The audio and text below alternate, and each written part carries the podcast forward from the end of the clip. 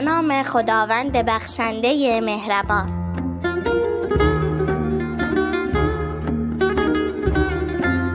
خدایا بر محمد و آل محمد درود فرست.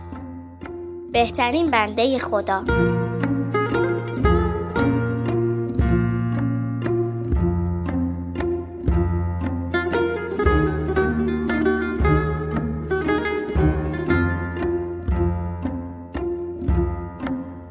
بود پاکیزه و خوب مثل گل چون باران. می رسید از نفسش عطر و بوی قرآن. بود پاکیزه و خوب مثل گل چون باران. می رسید از نفسش عطر و بوی قرآن.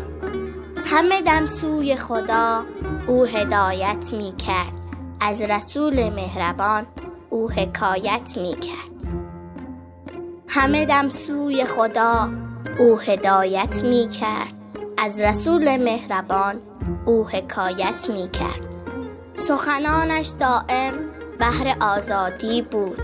بهترین مرد خدا او امام هادی بود. سخنانش دائم بهر آزادی بود. بهترین مرد خدا او امام هادی بود. امام هادی علی پسر محمد جواد سوم رجبی سال 254 هجری قمری در شهر سامرای عراق به شهادت رسید.